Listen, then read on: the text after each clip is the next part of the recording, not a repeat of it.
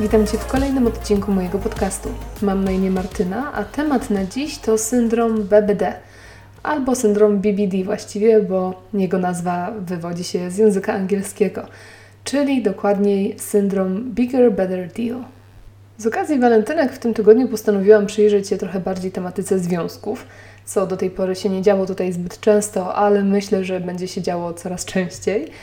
I myśląc o tych związkach i w ogóle zastanawiając się nad tą tematyką, tak stwierdziłam w sumie z dużym smutkiem, że współczesne czasy nie sprzyjają związkom, a już na pewno nie sprzyjają związkom długotrwałym.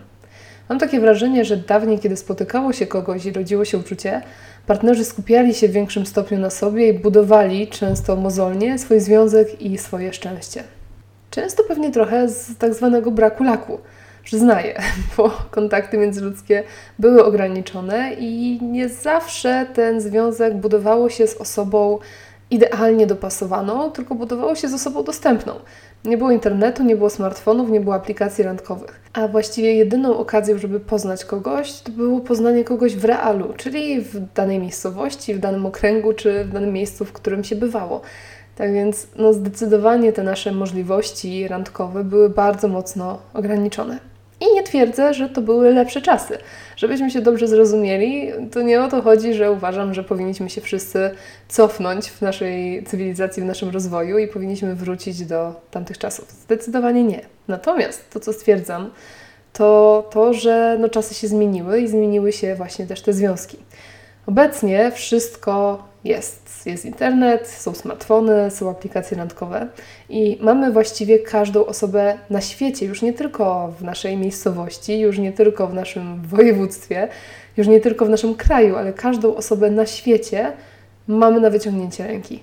Znasz pewnie taką tezę, że obecnie jesteśmy w stanie dotrzeć do każdej osoby na świecie poprzez zaledwie sześć osób, tak zwanych pośredniczących. Czyli teoretycznie sześć osób zaledwie dzieli Cię od poznania Beyoncé czy Baracka Obamy.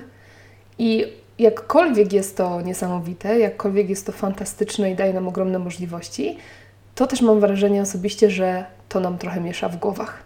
A kiedy dodamy do tego całego równania jeszcze social media, no to już wtedy syndrom BBD sam puka do naszych drzwi. I myślę, że musimy naprawdę bardzo uważać, żeby temu syndromowi nie ulec. No i teraz może w końcu parę słów na temat tego, czym ten syndrom BBD w ogóle jest. Jak wspomniałam na samym początku, z angielskiego jest to bigger, better deal, czyli dosłownie większa, lepsza okazja.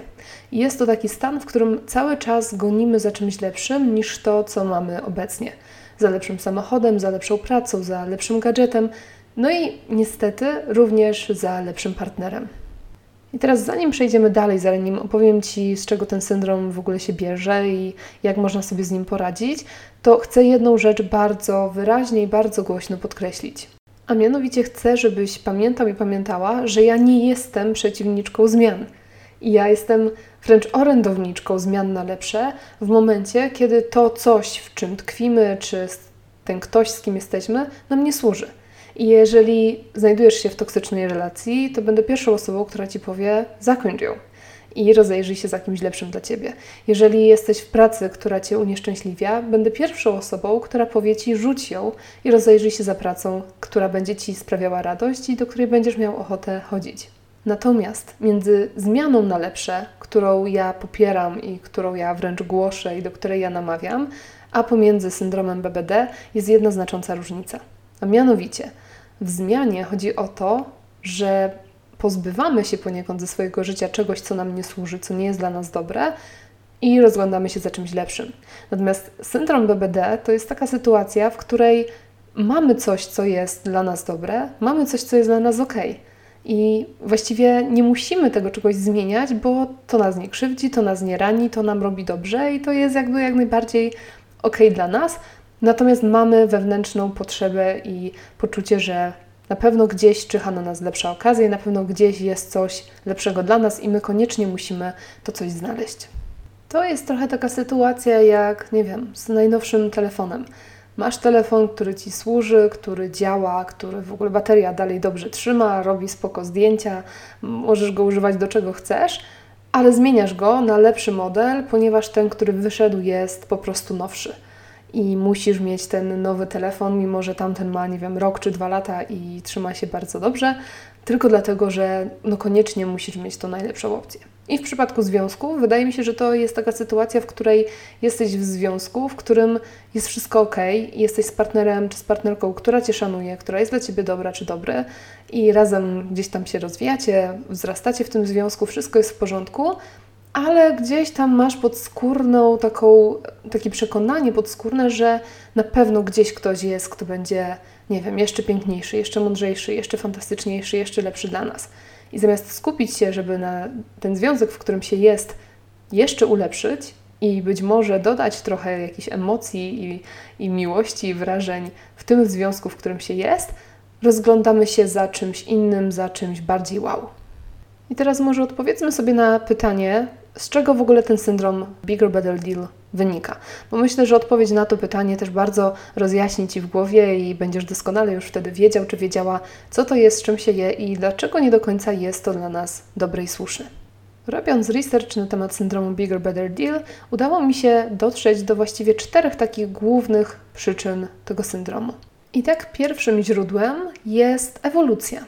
Jak pisze Anders Hansen w swojej książce Wyloguj swój mózg, którą niedawno czytałam, bardzo ciekawa, polecam. I teraz tutaj będę cytować dosłownie. Natura nigdy nie widziała większego sensu w obdarzeniu człowieka poczuciem długotrwałego szczęścia. Dała mu poczucie szybko przemijającego dobrego samopoczucia, po zjedzeniu czegoś dobrego czy po awansie w pracy.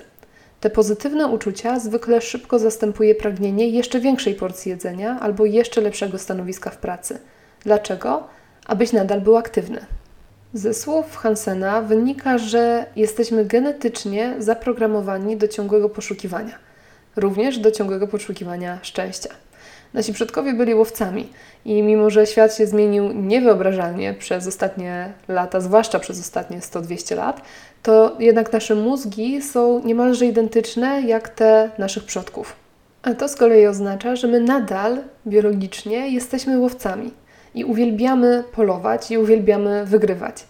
I to nie jest złe, oczywiście, jeżeli, nie wiem, szukasz najlepszej dla siebie pracy, czy chcesz wybrać najlepszą dla siebie kanapę. Natomiast musimy sobie zdawać sprawę z tego, że to polowanie też rzutuje na inne sfery naszego życia, między innymi na związek. A to już może utrudniać budowanie stałej i długotrwałej relacji. Drugą taką dużą przyczyną syndromu Bigger Better Deal jest z kolei lęk. Lęk tak już znany we współczesnym świecie, że nawet dorobił się własnej nazwy, a mianowicie FOMO, czyli Fear of Missing Out, czyli na polskie obawa przed pominięciem, obawa przed opuszczeniem czegoś. I teraz, jeżeli jesteś osobą, nie wiem, 30, plus, 35, plus, to być może tego lęku nie znasz aż tak dobrze. Ja mam 33 i też jeszcze nie uważam się za osobę, która żyje w lęku FOMO. Natomiast mam wrażenie, że młodsze pokolenia i im młodsze tym bardziej faktycznie ten lęk gdzieś tam w sobie mają i mają taką obawę, że coś właśnie tych ludzi, tych młodych ludzi, że coś ich cały czas omija, że omija ich świetna impreza, okazja zakupowa, jakiś gorący news, doświadczenie, przeżycie, czy właśnie na przykład jakaś historia miłosna, e, wspaniała, wręcz książkowa, filmowa. I lęk ten zmusza te młode osoby właśnie do tego, żeby cały czas się rozglądać, żeby cały czas filtrować otoczenie w poszukiwaniu jak najlepszej opcji, jak najlepszej okazji i zmusza do pilnowania się nieustannego, żeby przypadkiem coś nie przeszło koło nosa. Trzecim źródłem syndromu Bigger Better Deal jest porównywanie się. No i to już jest coś, co dotyka nas wszystkich, niezależnie od wieku, niezależnie od rocznika.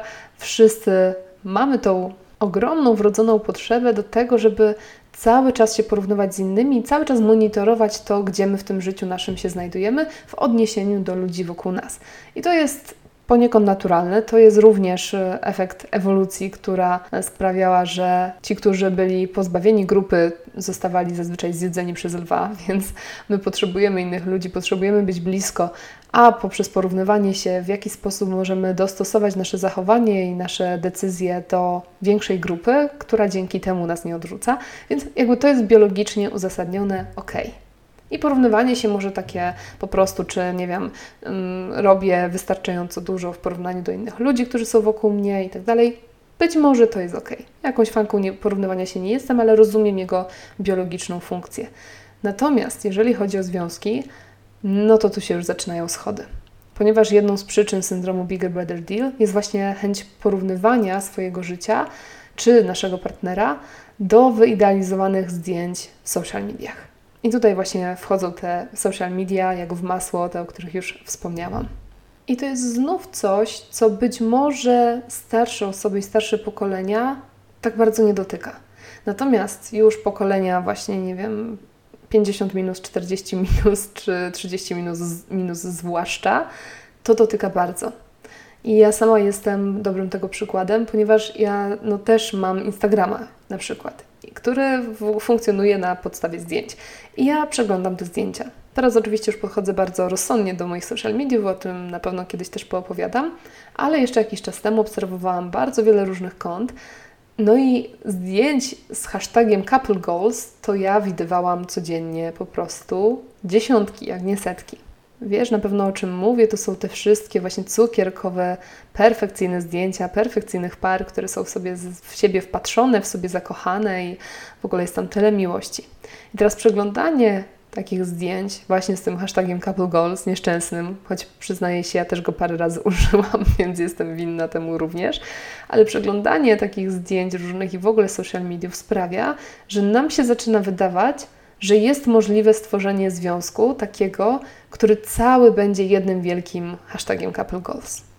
I nagle, kiedy zauważamy, że nie wiem, pokłóciliśmy się ze swoim partnerem, albo że nasz partner nam nie przynosi wielkich bukietów róż, albo że na przykład cokolwiek się w naszym związku takiego wydarzyło, że, że pojawił się jakiś zgrzyt, to my już zaczynamy rozkminiać, że coś, coś jest w takim razie nie tak z tym związkiem, i na pewno, gdybyśmy po prostu zmienili partnera, to znaleźlibyśmy kogoś, z kim właśnie moglibyśmy tworzyć ten taki bajeczny związek, ten taki związek z social mediów, ten pełen spojrzeń w oczy głębokich, kwiatów i prezentów. To, czego natomiast na tych zdjęciach w internecie i w social mediach nie widzimy, to nie widzimy wszystkich problemów tej pary, nie widzimy kłótni, nie widzimy nieporozumień, które kryją się za tym idealnym obrazkiem. A wierz mi, one tam też są, jak w każdym związku.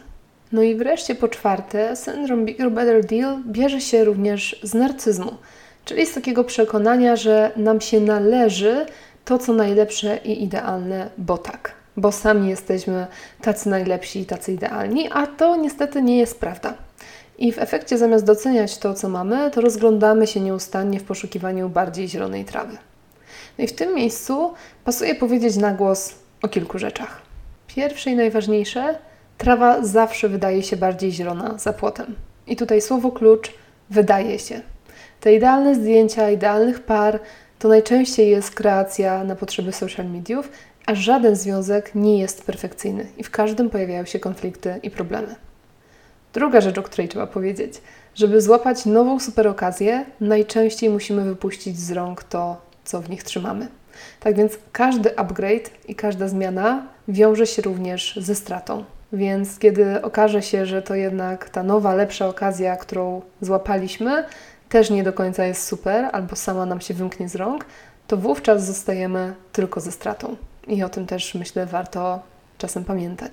Kolejna sprawa, często kiedy łapiemy tą upragnioną, tak zwaną lepszą okazję i przyglądamy się jej z bliska, okazuje się nagle, że ona niewiele różni się od tego, co my już mieliśmy ponieważ nie ma idealnych rzeczy i nie ma idealnych ludzi.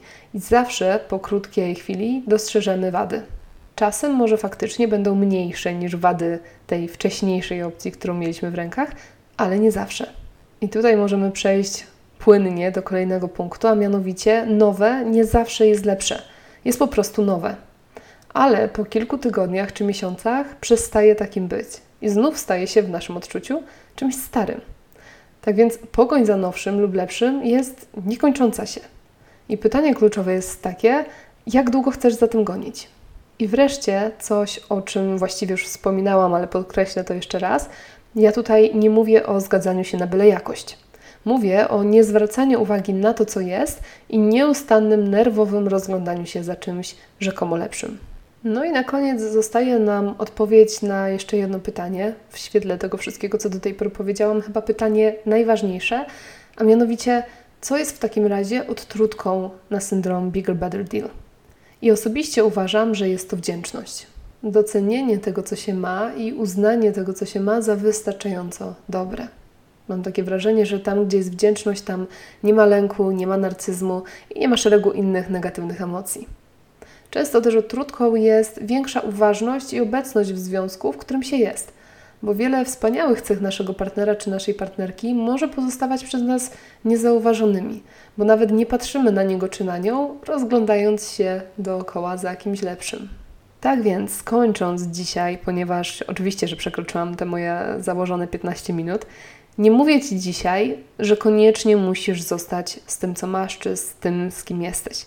I nie mówię Ci absolutnie, że nie wolno Ci czegokolwiek zmieniać w Twoim życiu. Ale to, z czym chcecie zostawić dzisiaj i wypuścić, to zanim zaczniesz szukać bigger, better deal, zanim zaczniesz się rozglądać za lepszą, większą okazją, popatrz na to, co masz. Tak faktycznie popatrz. Dostrzeż zalety i poczuj wdzięczność. I wtedy, kiedy już to zrobisz, kiedy już popatrzysz, dostrzeżesz te wszystkie pozytywy i poczujesz w sercu wdzięczność, wtedy jeszcze raz zastanów się, czy faktycznie chcesz szukać dalej. Jeżeli tak, życzę powodzenia, trzymam za Ciebie kciuki i na pewno znajdziesz coś, co będzie Ci odpowiadało bardziej. Ale może się zdarzyć, że kiedy popatrzysz faktycznie z życzliwością i miłością na to, co masz, no okaże się, że, że szkoda to wypuszczać z rąk i szkoda szukać czegoś rzekomo lepszego. A nawiązując do naszego dzisiejszego tematu, ale też kończąc cały ten tydzień związkowy, powalentynkowy, chcę Cię jeszcze zostawić z jednym poleceniem na koniec, a mianowicie z poleceniem książki. Oczywiście e, książki Prawdziwa historia miłości autora, który się nazywa Alain de Botton. Mam nadzieję, że to przeczytałam dobrze. I jest to książka, która nawet na okładce ma napis Opowieść, która zastąpi wszystkie poradniki świata. I to jest e, książka, która naprawdę dała mi do myślenia, jeżeli chodzi o związki, która mi pięknie pokazała, jakie to jest trudne, jak to jest skomplikowane, żeby dwie dorosłe osoby stworzyły udany związek. Jest to też książka, która przypomina, że to zawsze jest też robota, że to nie jest to piękne zdjęcie z hashtagiem Couple Goals, tylko jest to faktycznie praca dwójki ludzi nad tym związkiem i nad tą relacją. I myślę, że to jest taka historia, którą naprawdę bardzo, bardzo, bardzo e, warto przeczytać. Tak więc zostawiam Cię z tym poleceniem. E, oczywiście zostawię w opisie odcinka na stronie tematnadziś.pl, zostawię też link do tej książki, tak więc możesz sobie kliknąć, zamówić, przeczytać. Polecam. Serio, z własnego doświadczenia i z głębi serca polecam tą książkę. No i teraz to już naprawdę wszystko. Bardzo Ci dziękuję za wysłuchanie tego odcinka. Mam nadzieję, że było to dla Ciebie ciekawe, inspirujące, a usłyszymy się już niebawem i myślę, że już teraz zaczniemy serię o planowaniu swojego życia i zrobię taki na początek wstęp, a później będziemy jechać przez całą tematykę planowania następnych miesięcy i lat swojego życia, więc myślę, że będzie też całkiem ciekawie. No więc dziękuję Ci raz jeszcze za dziś. Do usłyszenia. Cześć.